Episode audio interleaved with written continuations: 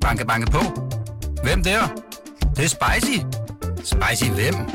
Spicy Chicken McNuggets, der er tilbage på menuen hos McDonald's. Badum, bom, tji.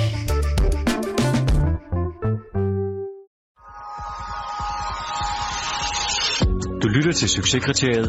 Et program om drømme og ambitioner.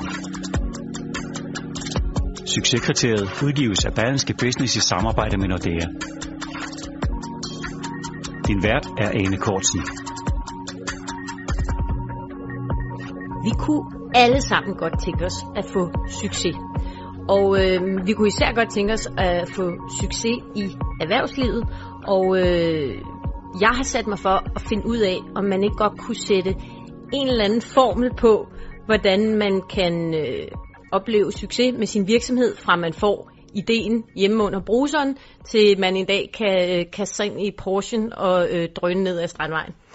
Og øh, derfor har vi lavet den her podcast, hvor du i hvert program bliver præsenteret for en succesfuld iværksætter, som har nogle helt konkrete råd til dig.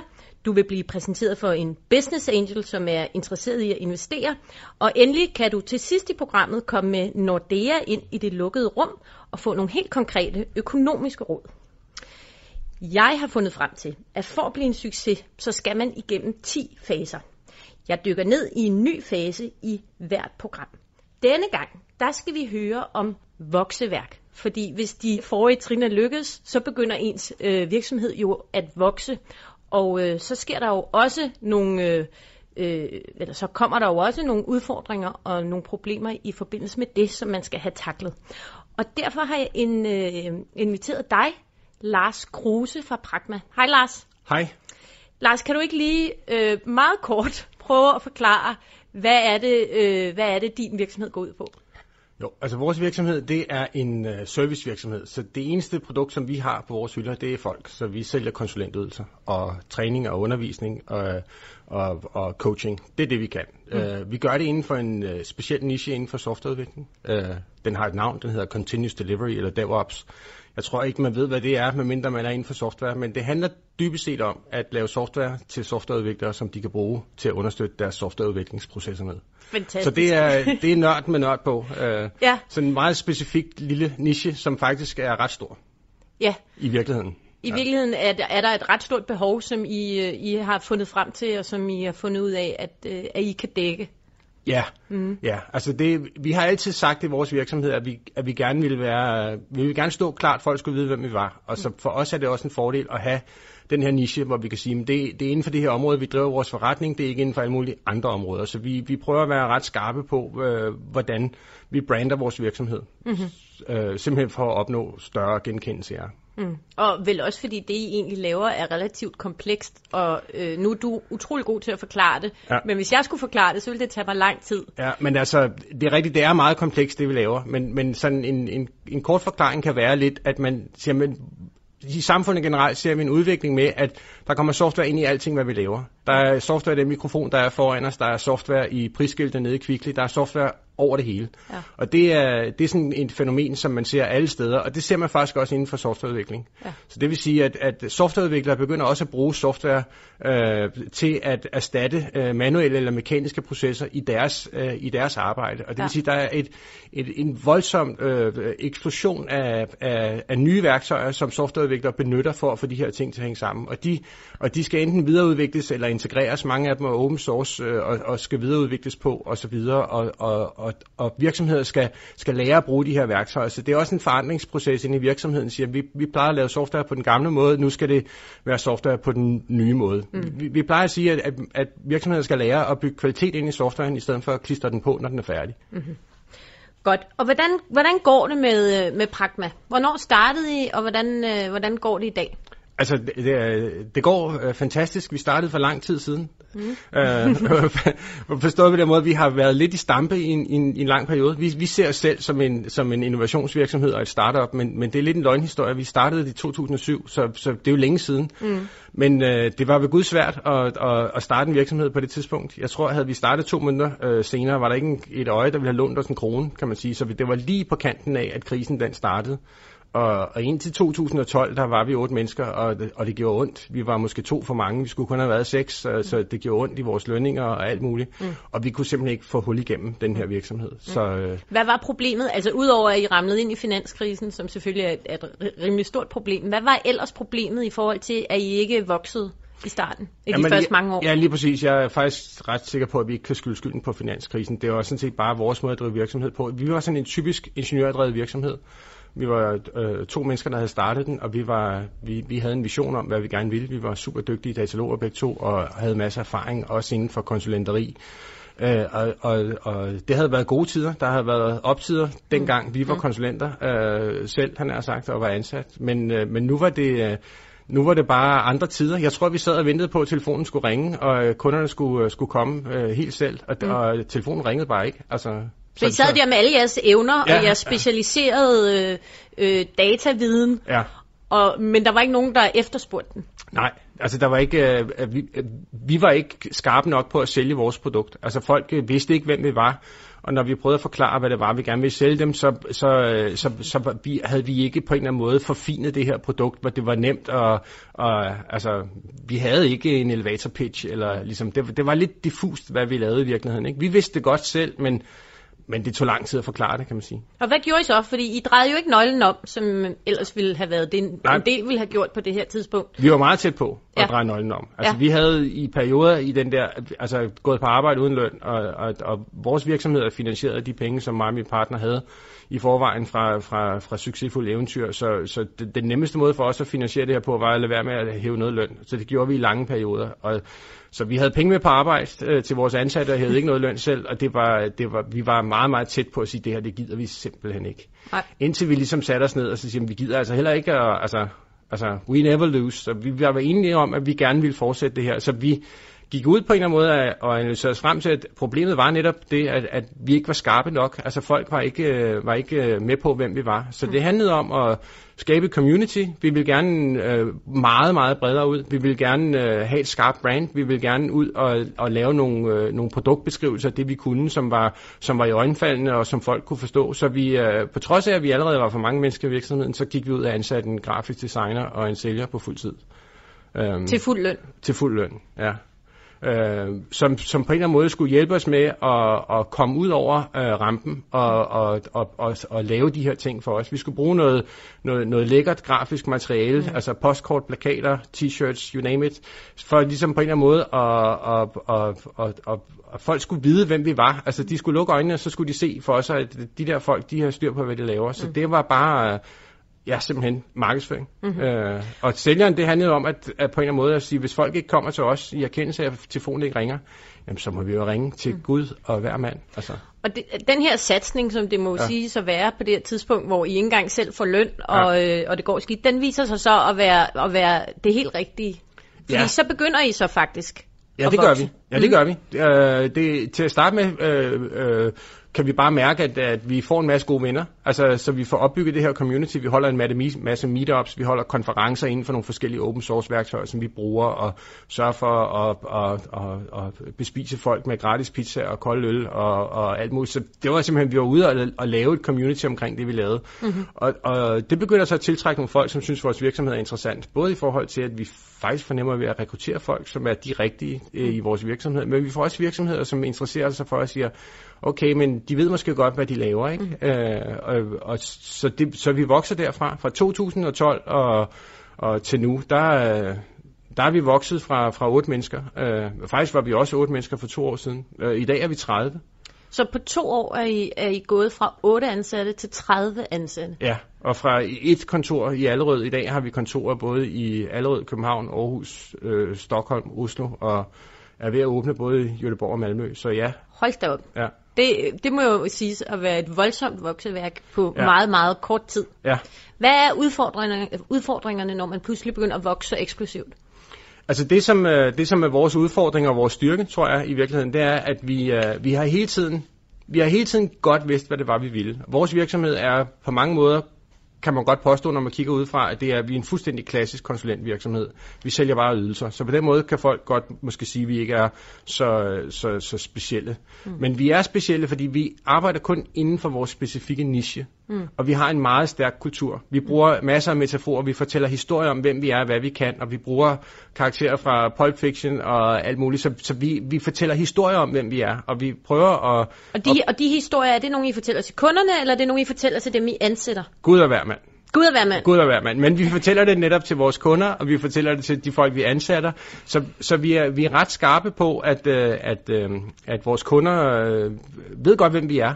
Altså, vi har været ude hos, hos vi er sådan nogle, så selvom vi er virksomhedsledere, så, så du kommenterer selv før, jeg har ring i øret, men hvis du ser min computer, så er den også fuldstændig fyldt med klistermærker, mm. og, og jeg har hørt folk kommentere på de der ting, ikke? Altså, mm. siger, det er befriende at få nogle mennesker ud, som ved, hvad de snakker om, og som er direktør for et firma, men som stadigvæk har klistermærker på deres, og ikke kommer i jakkesæt. Og, så vi som er, er rigtige mennesker. Ja, vi er, vi er meget sådan, uh, altså, vi, vi, vi har en meget pragmatisk tilgang til de her ting, og mm. vi, uh, vi, vi, vi er udelukkende for på en eller anden måde at at få øh, faciliteret de mennesker i de virksomheder, vi arbejder sammen med, som, øh, som øh, altså få dem til at, at, at, at performe bedre, kan man sige. Så, mm. så vi ser os selv lidt som, som coaches eller guides. Eller, ja. Mm. Um. Og, og I er jo op på at, at ansætte op mod to medarbejdere om måneden. Ja.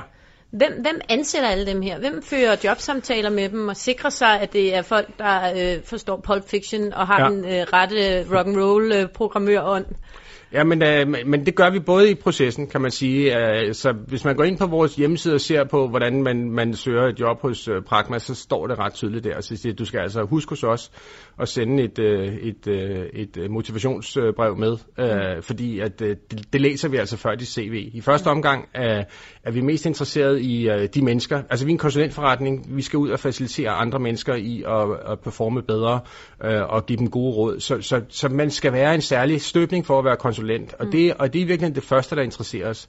Faglige kompetencer er der masser af derude. Men, mm. men hvis vi finder nogle mennesker, som har den rigtige kultur eller tilgang, eller, eller, eller ja, som, som, som, som vi siger, der er noget konsulent i, i dem der, eller, eller de forstår godt øh, dem, vi er, så øh, er vi som regel også klar til at tage dem ind. Også selvom de måske ikke nødvendigvis, de kan godt, vi har relativt mange unge mennesker. Vi har mm. rigtig mange mennesker, som slet ikke taler dansk, som er, som, som er i landet, men som kun taler engelsk. Vi har jeg tror, på de her 30 mennesker spreder vi os over 17 forskellige nationaliteter, mm. hvis vi tæller alle folks forskellige pas med. Mm. Øh, så så, så vi, vi kigger meget på, hvem mennesket er, og, og, og om de passer godt ind i vores kultur. Men har du tid til at mødes med hver, hver, hver enkelt, som bliver ansat?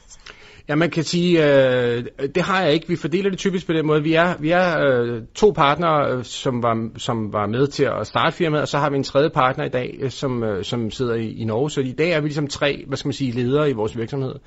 Og vores jobsamtaler foregår på den måde, at en af lederne er med til samtalen, og en medarbejder er med. Så der er altid to mennesker til at interviewe de folk, som vi skal snakke med.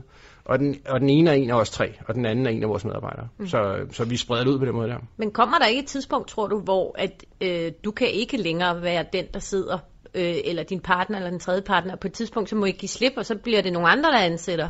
Altså er du ikke bange for, at den ånd, som er særlig for Pragma, at den langsomt øh, forsvinder, når I vokser så voldsomt? Jo, det vil jeg nok være. Jeg tror ikke, det kommer til at ske. Jeg tror ikke, vi kommer til at ansætte folk, som, som, som ikke enten jeg eller to af mine øh, partnerkollegaer har været med til.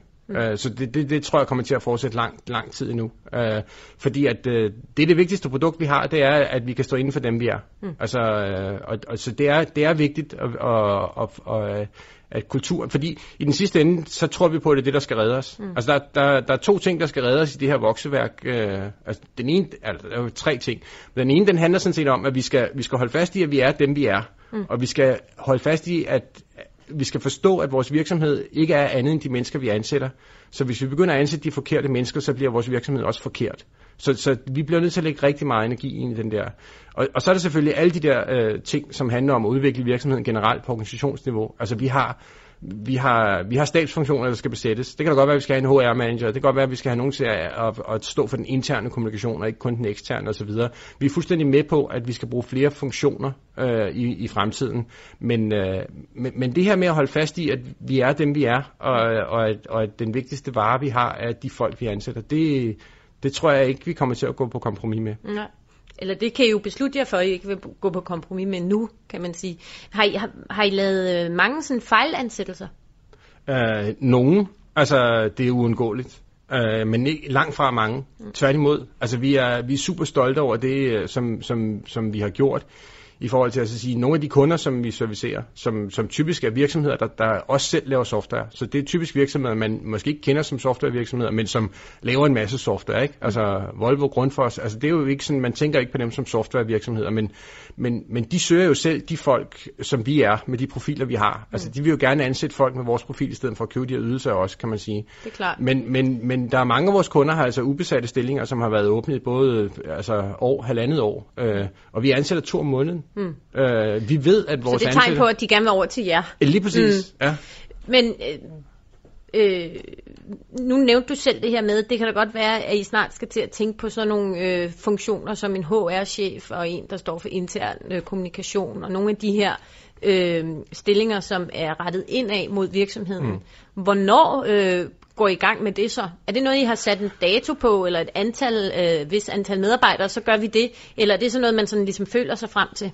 Nej, det er det er nu, kan man sige. For præcis øh, et år siden, øh, der havde vi et, øh, hvad skal man sige, et retreat eller et refugium, hvor vi, hvor vi netop øh, tog øh, os, os øh, tre i ledelsen, plus, øh, plus øh, vi har også en, øh, en, en, en, øh, en direktør, som kører vores øh, svenske afdeling i Stockholm, han var også inviteret med, og så havde vi, så havde vi nogle af vores nøglemedarbejdere med, hvor vi, hvor vi netop var ude og snakke på, hvordan pokker, hvordan pokker skal vi organisere os i forhold til, at det her bliver, bliver noget, vi kan håndtere fremover. Mm. Øh, så, så vi så godt allerede for et år siden, at det her er noget, vi begynder at, at skulle håndtere. Mm. Øh, jeg får også kommentarer fra mine egne ansatte, at, øh, at øh, de synes, mange ting sejler. Altså, så Ja. så der, der er mange, af- mange af vores folk allerede synes nu, at, at øh, vi kan godt leve med det roder lidt, men, men vi begynder også at mærke og få nogle beskeder fra vores egne ansatte, der siger, der, skal altså samles op på det her. Hvad er det, de synes, der råder?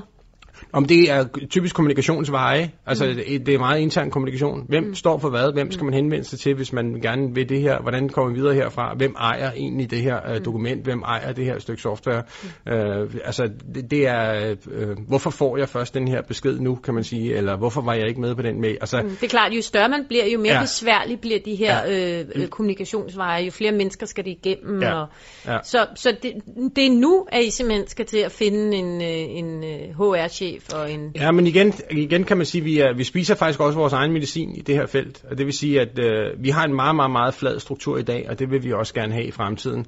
Så vi tror rent faktisk på, at nogle af de her ting, som jo er de samme symptomer, som vi snakkede om før. Hvis du, hvis du skal have løst et, øh, et problem i dag, så, så vil man jo skrige efter noget software. Vi skal have noget software til at løse problemet. Nå ja, I ja. kan lave noget software, der kan hjælpe jer selv. Ja, ja, men du griner, men det, det vi Nej, gør. jeg synes, det er smart. Ja, fordi det, det handler meget om, at øh, der er nogle forskellige platforme, man kan kommunikere på, som rent faktisk understøtter, at, at, at kommunikation øh, øh, flyder bedre. Mm. Så, så sådan noget øh, asynkron kommunikation, som vi kender det fra Facebook og Twitter osv., hvor man godt kan føre en samtale, som kan strække sig over relativt lang tid. E-mails er også et eksempel på det. Mm. Men man ikke behøver at være til stede, kan man sige. Så man behøver ikke sidde i det samme rum, men man kan godt føre en saglig diskussion kriteriet er selvfølgelig, at den så bliver nødt til at blive ført på skrift, for ellers giver det ikke rigtig nogen mening. Men, øh, men, øh, men vi bruger sådan nogle værktøjer. Vi bruger Slack, vi bruger opgavestyringsværktøjer, vi bruger GitHub, vi bruger, vi bruger øh, det, det er værktøjer, som, som er almindeligt kendt inden for vores, øh, vores branche, til, mm. til netop at håndtere nogle af de her øh, altså problemstillinger, som, som i virkeligheden også er et moderne fænomen. Mm. Altså, altså virksomheder er meget distribueret. I kan jo selv regne ud, jeg sagde, hvor mange kontorer vi har, og vi er 30 mennesker. I, I kan godt regne ud, på nogle af kontorerne er der ikke særlig mange mennesker. Altså, øh, så, så, så hvorfor vælge at lave en virksomhed, som er så distribueret? Hvorfor ikke bare sætte alle 30 mennesker i et kontor i København? Og det er fordi, at, øh, at for det første kan jeg være tæt på vores kunder, for det andet så kan det være, at de mennesker, som vi har set er rigtige for vores virksomhed, de så, altså bor i, i Jødeborg eller på Fyn, og så må vi jo på en eller anden måde etablere os der. Men, øh, men vi insisterer også på, at det ikke skal være et problem. Altså virksomheder af vores type skal kunne overleve og være distribueret. Så må vi jo indrette os på, at kommunikationen må være asynkron. Øh, så det bruger vi værktøj til. Mm-hmm. Så, ja. Der lærte jeg bare en hel masse ja. På kort tid. Altså Ja. asynkron kommunikation har jeg aldrig hørt om. Jeg har heller ikke hørt om Slack eller GitHub, men det vil Nej. jeg så google, tror jeg. Men Slack, Slack er meget ligesom, man kan sige, det er sådan ligesom lidt, øh, det er, det er sådan en chatforum, men okay. så, er det bare, så, er det, så er det bare på en eller anden måde, har det, har det, har det scope inden for den gruppe, man er, som, så vi kan lave et, et chatforum, som er for hele vores virksomhed. Mm. Uh, så mm. så det, det, det svarer lidt til, at man i, altså, tilbage i, i slutningen af 80'erne sad og chattede på de der uh, chatboards på, uh, med sine modems og så videre. Ikke? Ja, det er, præcis. Ja, uh, Men, men så det er i virkeligheden også et spørgsmål om at vende blikket indad, se hvad der, hvis- hvad der kunne være af løsninger, som måske var nogle kompetencer, man sad og havde i forvejen. Så det er jo ikke noget, I behøver at købe udefra. I kan selv løse det.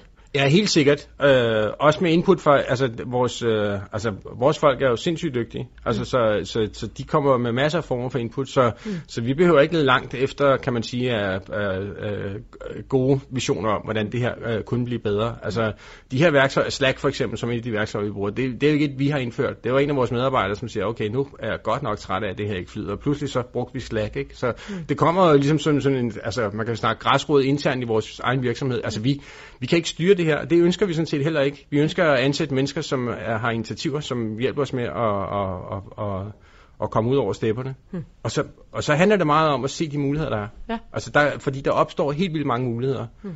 I, og vi underviser i dag vores kunder i værktøjer, der ikke engang fandtes for fire år siden.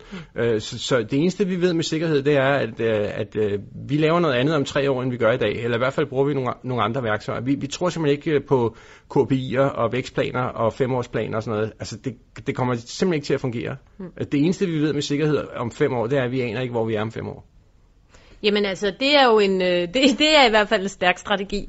øhm, jamen Lars, tusind tak, fordi du kom og gjorde øh, mig og dem, der lytter til den her podcast, en hel del klogere på, hvordan man skal handle så stort et vokseværk, som I oplever lige nu.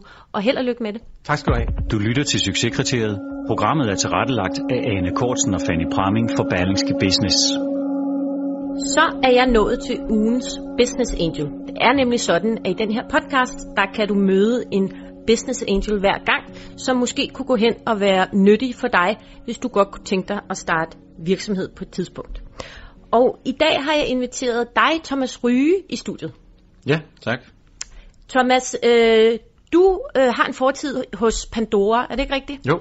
Hvor du var marketingdirektør?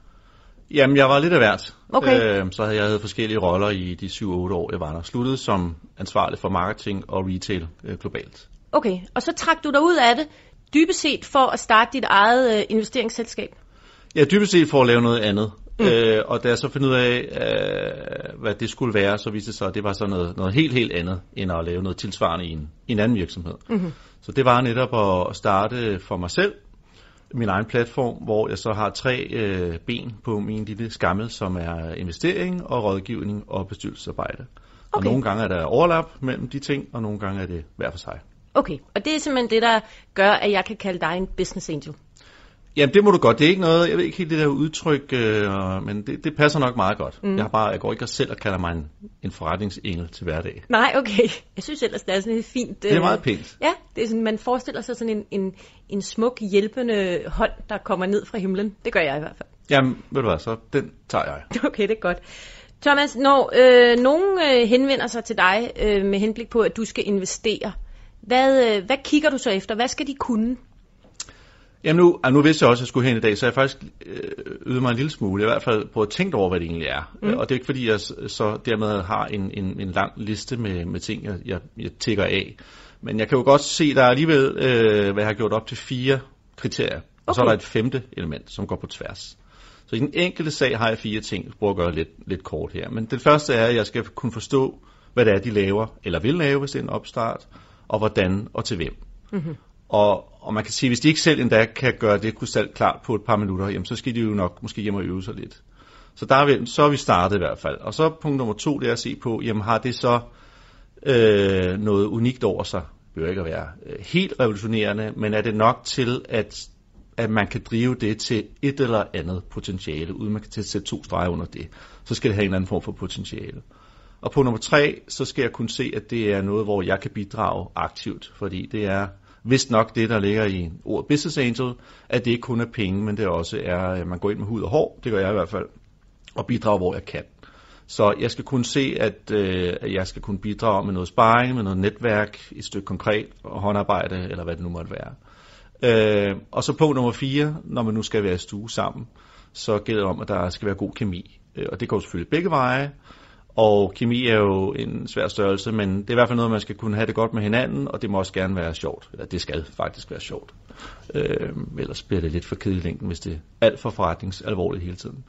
Så det, det, er, det er de fire ting, der ligesom skal stå øh, og spille mm-hmm. i hver enkelt sag. Og så har jeg så, når jeg så kigger på tværs af det hele, det femte element, som går på, at, at der skal være balance i min portefølje.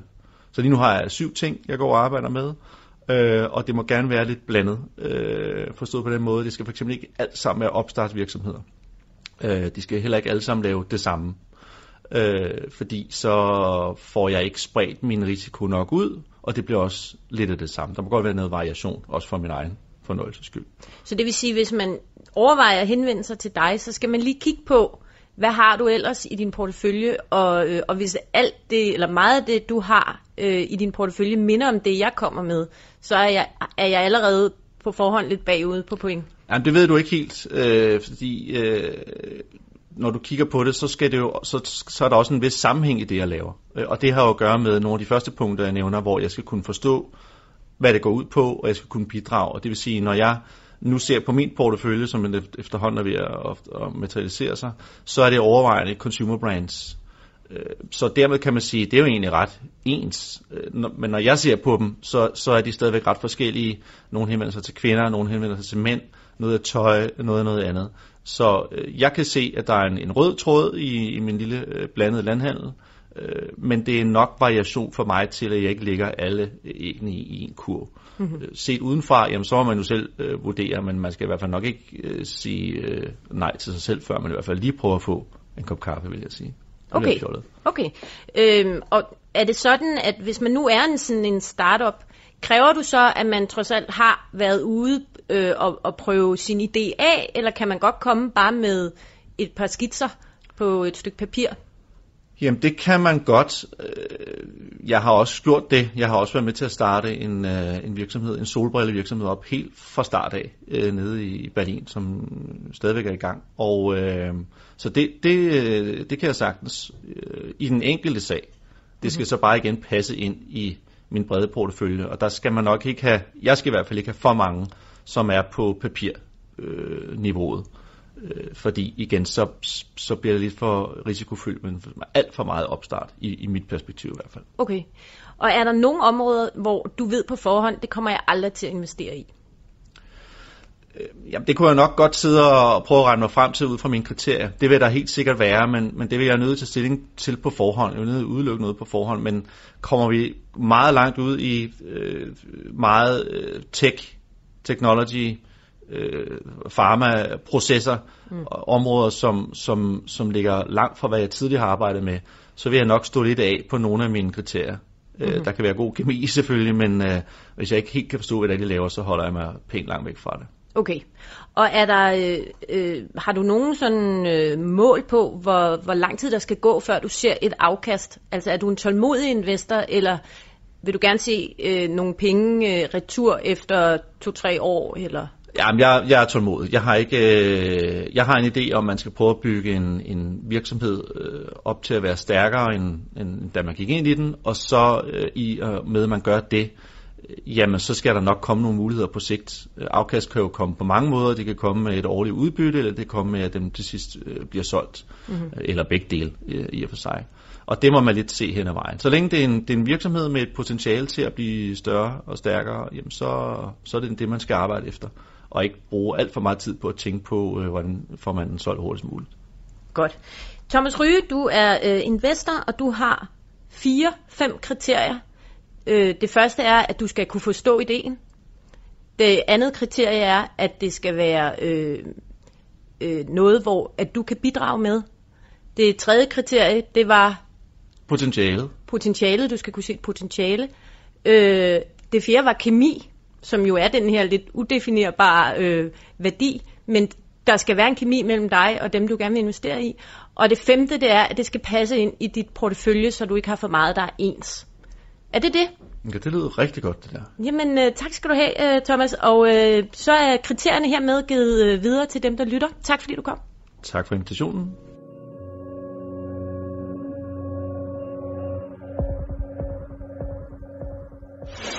Nu kommer det lukkede rum. Her får du eksklusiv adgang til Nordeas eksperter med konkrete råd om, hvordan din forretning bliver en succes. I dag skal vi snakke med Frank Vestergaard Olsen, som er områdedirektør i Nordea. Velkommen til. Tak for det. Frank, i dag der skal vi snakke lidt om iværksætterens økonomi. Hvordan øh, sikrer man en optimal økonomi i sin virksomhed, når man starter op? Ja, det er et super godt spørgsmål. Øh, men først og fremmest så gør man det jo ved at få sat sig ned, og så få øh, også sådan lidt kritisk regnet igennem, hvordan, øh, hvordan ser den økonomiske virkelighed ud af det projekt eller det iværksætteri, jeg er ved at starte op. Så, så det er jo et spørgsmål om at få sat sig ned på god gammeldags manér og forholde sig lidt til, at øh, hvis jeg forventer, der skal sælges så og så meget, hvornår og på hvilke betalingsbetingelser, hvornår vil det så give mig nogle, nogle penge, nogle kontanter i kassen, og hvordan matcher det så op imod mine, øh, mine udgifter. Både selvfølgelig i min, øh, min, øh, min nye erhvervsøkonomi, øh, men selvfølgelig også målt op imod min, min private økonomi, øh, som den jo et eller andet sted lige pludselig skal sponsere. For en del iværksætter vil det måske gælde, at man ikke har et stort kendskab til budgetter og regnskaber. Hvem anbefaler du, at man allierer sig med, når man skal få et overblik over de her ting? Jamen, så skal man tage fat i en god revisor. Øh, og man, man skal måske også, altså heldigvis i dag, der findes jo rigtig mange øh, økonomistyringssystemer, som er super, super nemme at gå til. Øhm, og, og min anbefaling er altså at komme i gang med det så hurtigt som muligt, fordi det kan lette øh, en hvilken som helst iværksætter i forhold til hele tiden at have, have en vis form for overblik over sin, sin økonomi. Og så tænker jeg jo sådan helt generelt, altså når man er sat i verden som iværksætter, så er det jo nok de færreste iværksættere, der er iværksætter, fordi de synes, det er fantastisk interessant at lave debit og kredit. og måske særligt af den årsag, også fordi det jo som iværksætter kommer til at gå så stærkt i forhold til udvikling af ens nye barn eller forretning, så er det bare sindssygt vigtigt, at man får tvunget sig selv til at have en eller anden form for struktur i forhold til, hvordan sikrer jeg hele tiden overblik over, hvordan min likviditet den udvikler sig. Og, øh, og hvis der lige pludselig opstår et gap mellem mine indtægter og udgifter, hvad gør jeg så ved det? Også i forhold til, til de investorer, der nu har skudt penge i mit projekt, eller den bank, som eventuelt er inde og medfinansiere en del af det, så er det super vigtigt, at man selv er på forkant, sådan så man kan ringe til en investor og kalde nogle flere penge, eller til sin bank i god tid og sige, jeg får lige her i næste måned, der kan jeg allerede nu se, at jeg får et behov, øh, og det er helt sikkert en hvilken som helst investor eller bankmand vil være noget mere imødekommende i forhold til, hvis man ringer og sagde, at det var sådan set i går, at momsen skulle være betalt. Så, så have overblikket og investere det, der skal til, øh, også i forhold til et enkelt økonomisystem, som kan hjælpe mig med hele tiden at være på forkant med mine indtægter og udgifter. Og hvilken værktøjer kan, kan en bank som Nordea helt konkret hjælpe iværksætteren med i forhold til sikringen af en fornuftig økonomi? Jamen altså i forhold til overblikket, altså de fleste banker i dag vel øh, har jo fornuftige øh, mobilbankløsninger, hvor man hele tiden kan få overblik over, hvad der er sket på ens konto. Øh, men derudover så synes jeg faktisk, at, øh, og det kan bankerne jo også øh, anbefale eller henvise til, til nogle af de økonomistyringssystemer, vi kender, som måske er sådan særlig egnede eller enkle i forhold til, til at få startet op som, øh, som iværksætter. Så det er måske mere på rådgivningsdelen den vej rundt.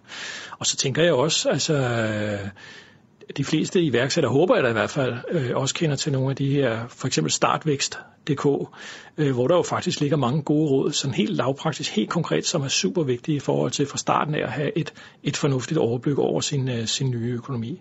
Øh, så det kræver måske på, på lige præcis den front, at man investere en lille smule i at tage på skolebænken. Jeg tror faktisk også, der er flere, der holder de her webinarer i forhold til, hvad, altså basic bogføring, hvordan, hvordan sikrer jeg overblik over min, min likviditet. Altså for guds skyld investere i det. Øh, ikke fordi det kommer til at tage mange aftener, men man får sådan et grundlæggende kendskab.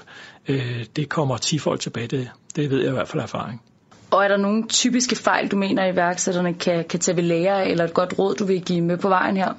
Ja, altså det, det, det det er meget naturligt, det er at man kan blive så opslugt af sin virksomhed, så man glemmer lidt det der økonomien, og så kommer det først til en, når det er for sent.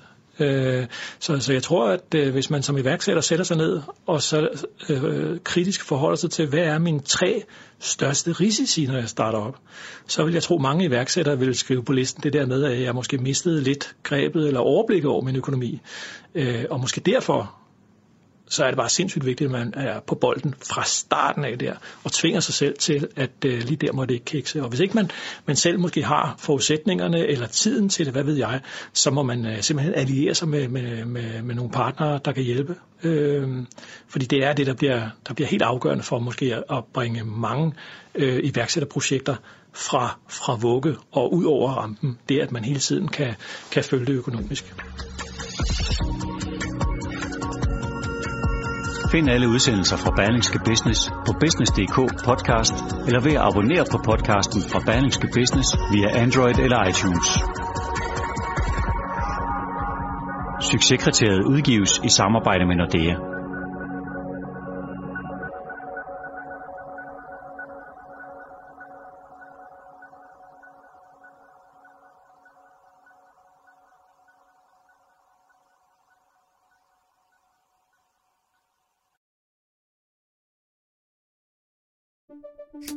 Banke, banke på. Hvem der? Det, det er spicy. Spicy hvem? Spicy Chicken McNuggets, der er tilbage på menuen hos McDonald's. Badum, bom, tji.